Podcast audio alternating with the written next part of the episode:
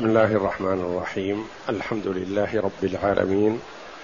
والصلاة والسلام على نبينا محمد وعلى آله وصحبه أجمعين. وبعد بسم الله.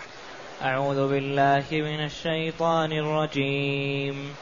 بسم الله الرحمن الرحيم. بئس ما اشتروا به أنفسهم أن يكفروا بما أنزل الله بغيا أن ينزل الله من فضله على من يشاء من عباده. فباءوا بغضب على غضب وللكافرين عذاب مهين. هذه الآية الكريمة.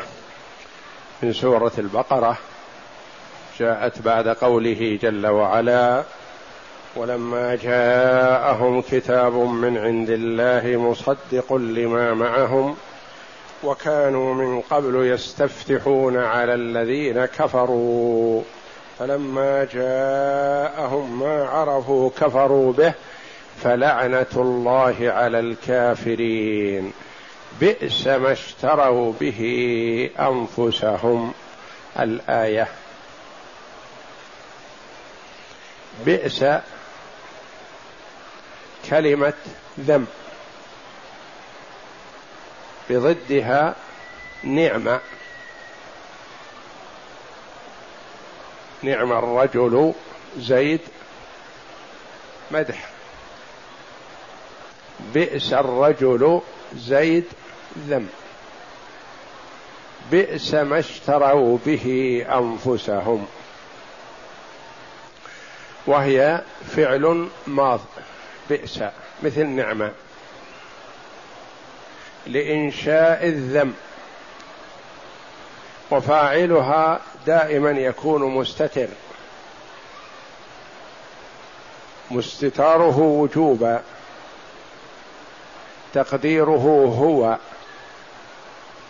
يعود للشيء يفسره قوله تعالى ما اشتروا به أنفسهم فما تمييز لذلك الفاعل المستتر وما بعدها صفة لها بئس ما اشتروا به أنفسهم أن يكفروا في تأويل مصدر يعني كفرهم. أن يكفروا بئس ما اشتروا به أنفسهم كفرهم. وهو المخصوص بالذم بئس ما اشتروا به أنفسهم كفرهم. هو المخصوص بالذم هنا. وهو يعرب مبتدأ والجملة التي قبله خبر. أو خبر مبتدأ محذوف وجوبا. قال ابن مالك رحمه الله في الألفية ويعرب المخصوص بعد مبتدأ أو خبر اسم ليس يبدو أبدا. خبر لمبتدأ محذوف وجوبا. وهذه تتكرر التي هي أفعال الذم وأفعال المدح. بئس ونعمه بئس ما اشتروا به أنفسهم. اشتروا به أنفسهم. كلمة شرى واشترى قد تؤدي يعني معنى واحد. وقد يقال شرى لمن باع واشترى لمن أخذ واشترى. فهم أخذوا لأنفسهم العاقبة السيئة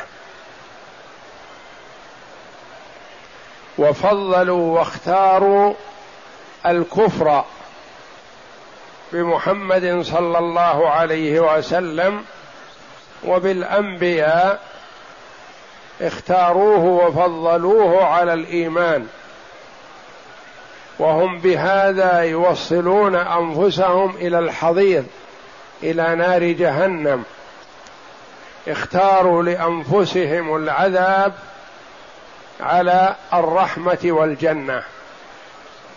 آثروا حظ الدنيا الفاني القليل على الحظ الباقي المستمر. بئس ما اشتروا به أنفسهم أن يكفروا بما أنزل الله. فهم اشتروا أنفسهم يعني باعوا أنفسهم وأخذوا الكفر بالله. ليستفيدوا حظا بخيسا حقيرا من حقوق من حظوظ الدنيا. بئس ما اشتروا به أنفسهم أن يكفروا بما أنزل الله.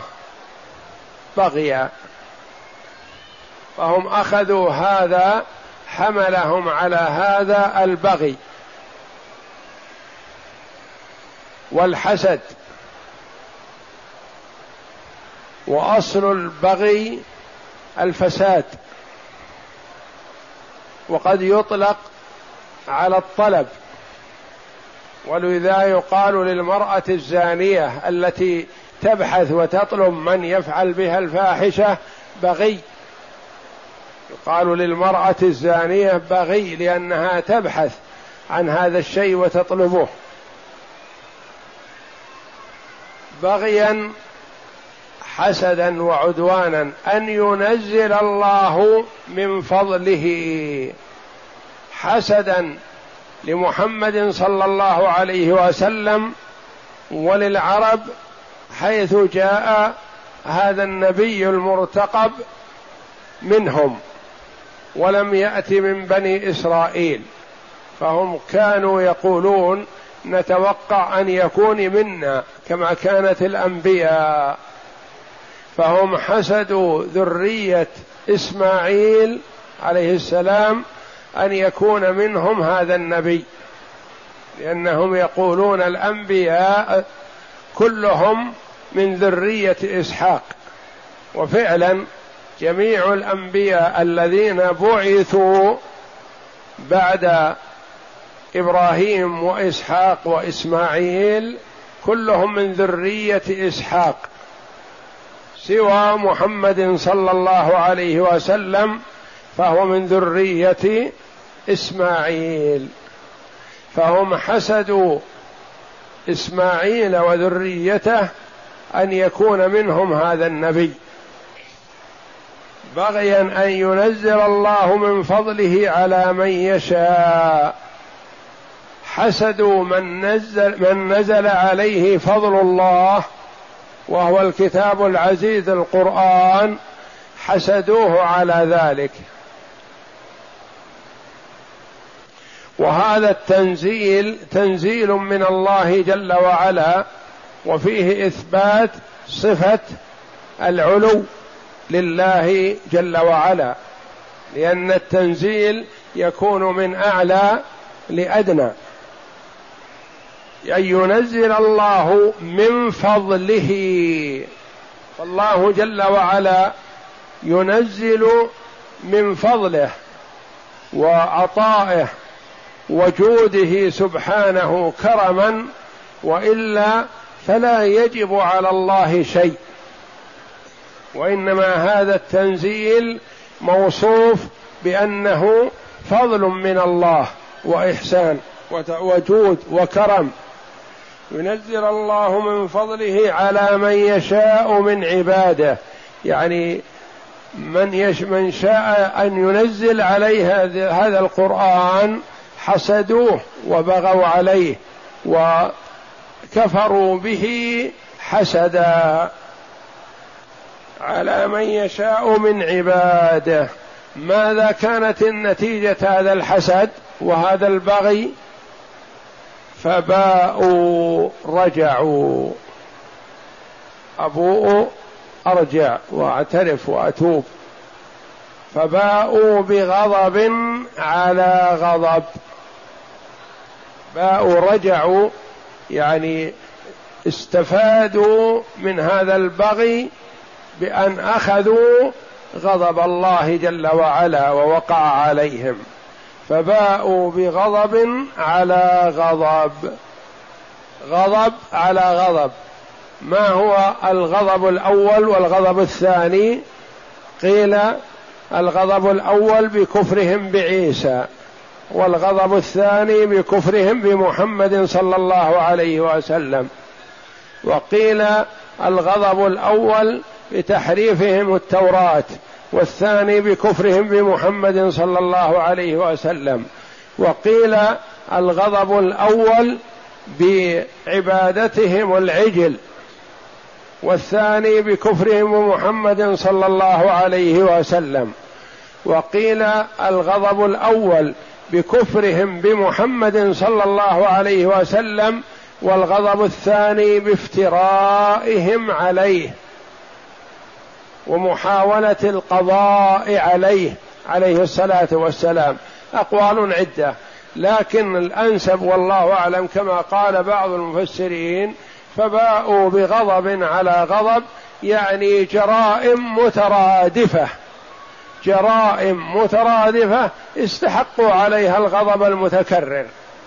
وكل ما ذكر هذه جرائم تحريفهم التوراة جريمة كفرهم بعيسى جريمة عبادتهم العجل جريمة محاولة القضاء على محمد صلى الله عليه وسلم جريمة. يعني باءوا بغضب على غضب غضب متكرر نتيجة الجرائم المتتابعة. فباءوا بغضب على غضب وللكافرين عذاب مهين. للكافرين تسجيل عليهم الكفر. ولم يقل جل وعلا ولهم عذاب مهين. قال وللكافرين يعني أتي بالظاهر بدل الضمير لتسجيل هذه الخصلة الذميمة عليهم. وللكافرين عذاب مهين والعذاب المهين في الدار الآخرة هو عذاب الكفار. وأما تعذيب العصاة من الموحدين فلا يقال له مهين وإنما هو عذاب تطهير. عذاب تطهير. ثم إن العذاب أنواع وأشده العذاب المهين. يعني قد يكون الشيء عذاب ومؤذي ومؤلم لكن ما في إهانة. فرق مثلا بين ضرب الظهر. ضرب الظهر وضرب الوجه. كلاهما شاق لكن ضرب الوجه أشد إهانة. فرق بين أن يسحب على ظهره أو يسحب على بطنه وعلى وجهه. كلاهما شاق لكن السحب على الوجه أكثر إهانة واحتقار. والإهانة هذه نتيجة الكبر. لأن المرء إذا تكبر في الدنيا بغير حق فإن الله جل وعلا يهينه لأنه أخذ ما ليس له ولا ينبغي له فيعامل بنقيض قصده.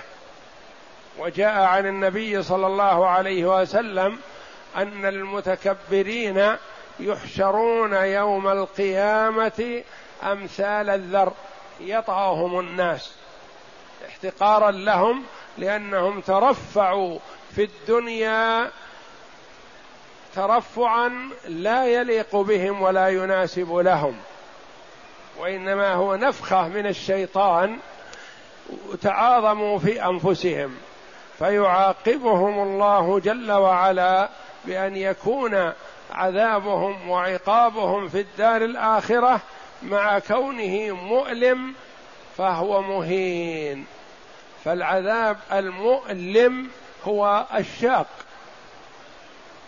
لكن إذا كان مهين فهو أكثر مشقة وأشد على النفس. كما تقدمت الأمثلة لأن الضرب يختلف والسحب يختلف واللوم والتوبيخ يختلف. يكون الشيء مهين ويكون شيء شاق لكنه أقل إهانة. فباءوا بغضب على غضب مترادف. واليهود عليهم لعنة الله موصوفون بأنهم مغضوب عليهم كما قال تعالى في سورة الفاتحة التي أعظم سورة في القرآن ما نزل في التوراة ولا في الإنجيل ولا في الزبور ولا في القرآن مثلها. فاتحة الكتاب ولذا فرضها الله جل وعلا علينا في كل ركعة لما فيها من الأمور العظيمة. توحيد الله جل وعلا وإثبات المعاد والاعتراف بالرسالة والإيمان باليوم الآخر وسلوك طريق الذين أنعم الله عليهم من النبيين والصديقين والشهداء والصالحين والتبرؤ من طريق المغضوب عليهم وطريقة الضالين. ففي قوله تعالى اهدنا الصراط المستقيم صراط الذين أنعمت عليهم غير المغضوب عليهم ولا الضالين. والمغضوب عليهم هم اليهود والغضب عليهم وعلى النصارى والضلال في اليهود وفي النصارى لكن الغضب في اليهود أبلغ والضلال في النصارى أبلغ. فأمر المسلم بان يسأل الله جل وعلا في كل ركعة من ركعات الصلاة أن يقول اهدنا الصراط المستقيم صراط الذين أنعمت عليهم. من هم الذين أنعم الله عليهم؟ المفسر في الآية الأخرى. هم النبيون والصديقون والشهداء والصالحون وحسن أولئك رفيقا. وأمر أن يستعيذ بالله ويسأل الله النجاة من طريقة اليهود الذين غضب الله عليهم ومن طريقة النصارى الذين ضلوا عن الصراط المستقيم. اقرأ. في قوله تعالى بئس ما اشتروا به أنفسهم. قال السدي باعوا به أنفسهم. يقول بئس ما اعتاضوا لأنفسهم فرضوا به وعدلوا إليه من الكفر بما بما أنزل الله على محمد صلى الله عليه وسلم عن تصديقه ومؤازرته ونصره. وإنما حملهم على ذلك هو البغي والحسد والكراهية. لأن ينزل الله من فضله على من يشاء من عباده. وجاء في الحديث أن الحسد يأكل الحسنات كما تأكل النار الحطب. ولا حسد أعظم من هذا. ومعنى باء حسدوهم على نعمة الله التي أنعم الله بها عليهم. ومعنى باءوا استوجبوا واستحقوا واستقروا بغضب على غضب. وجاء حسد ممدوح وهو الغبطة. كما في قوله صلى الله عليه وسلم لا حسد إلا في اثنتين.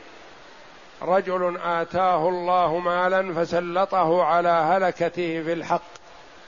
ورجل آتاه الله الحكمة فهو يقضي بها ويعلمها. فهذا حسد ممدوح وهو الغبطة. يعني ما ينبغي أن يحسد أو يغبط امرؤ إلا على واحدة من من هاتين الاثنتين. والفرق بين الغبطة والحسد المذموم أن الحسد المذموم أن يتمنى زوال نعمة أنعم الله بها على عبد من عباده. والغبطة الممدوحة أن يتمنى أن يكون مثل هذا العبد في هذه النعمة التي أنعم الله بها عليه. يعني يقول لو كان عند عندي مال لأنفقته في طرق الخير. هذا غبطة وهو ممدوح. وهو بنيته. إذا نوى هذا فهو بنيته. لو لو أن عندي علم لعلمته ونشرته ودعوت إليه وبينته ووضحته. هذه غبطة يغبط المرء على ذلك ولا يتمنى زوال النعمة.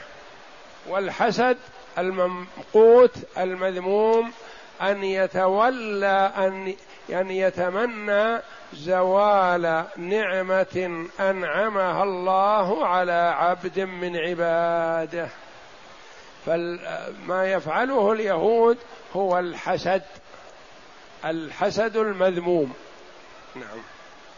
وقال أبو العالية غضب, غضب الله غضب الله عليهم بكفرهم بالإنجيل وعيسى عليه السلام ثم غضب. كفرهم بالإنجيل وعيسى وكفرهم بمحمد صلى الله عليهما وسلم. نعم. ثم غضب الله عليهم بكفرهم بمحمد صلى الله عليه وسلم وبالقرآن. وقال السدي أما الغضب الأول فهو حين غضب, غضب عليهم في العجل. وأما الغضب الثاني فغضب عليهم حين كفروا بمحمد عليه الصلاة والسلام. وقوله تعالى وللكافرين عذاب مهين لما كان كفرهم سببه البغي والحسد ومنشأ ذلك التكبر قوبلوا بالإهانة والصغار في الدنيا والآخرة.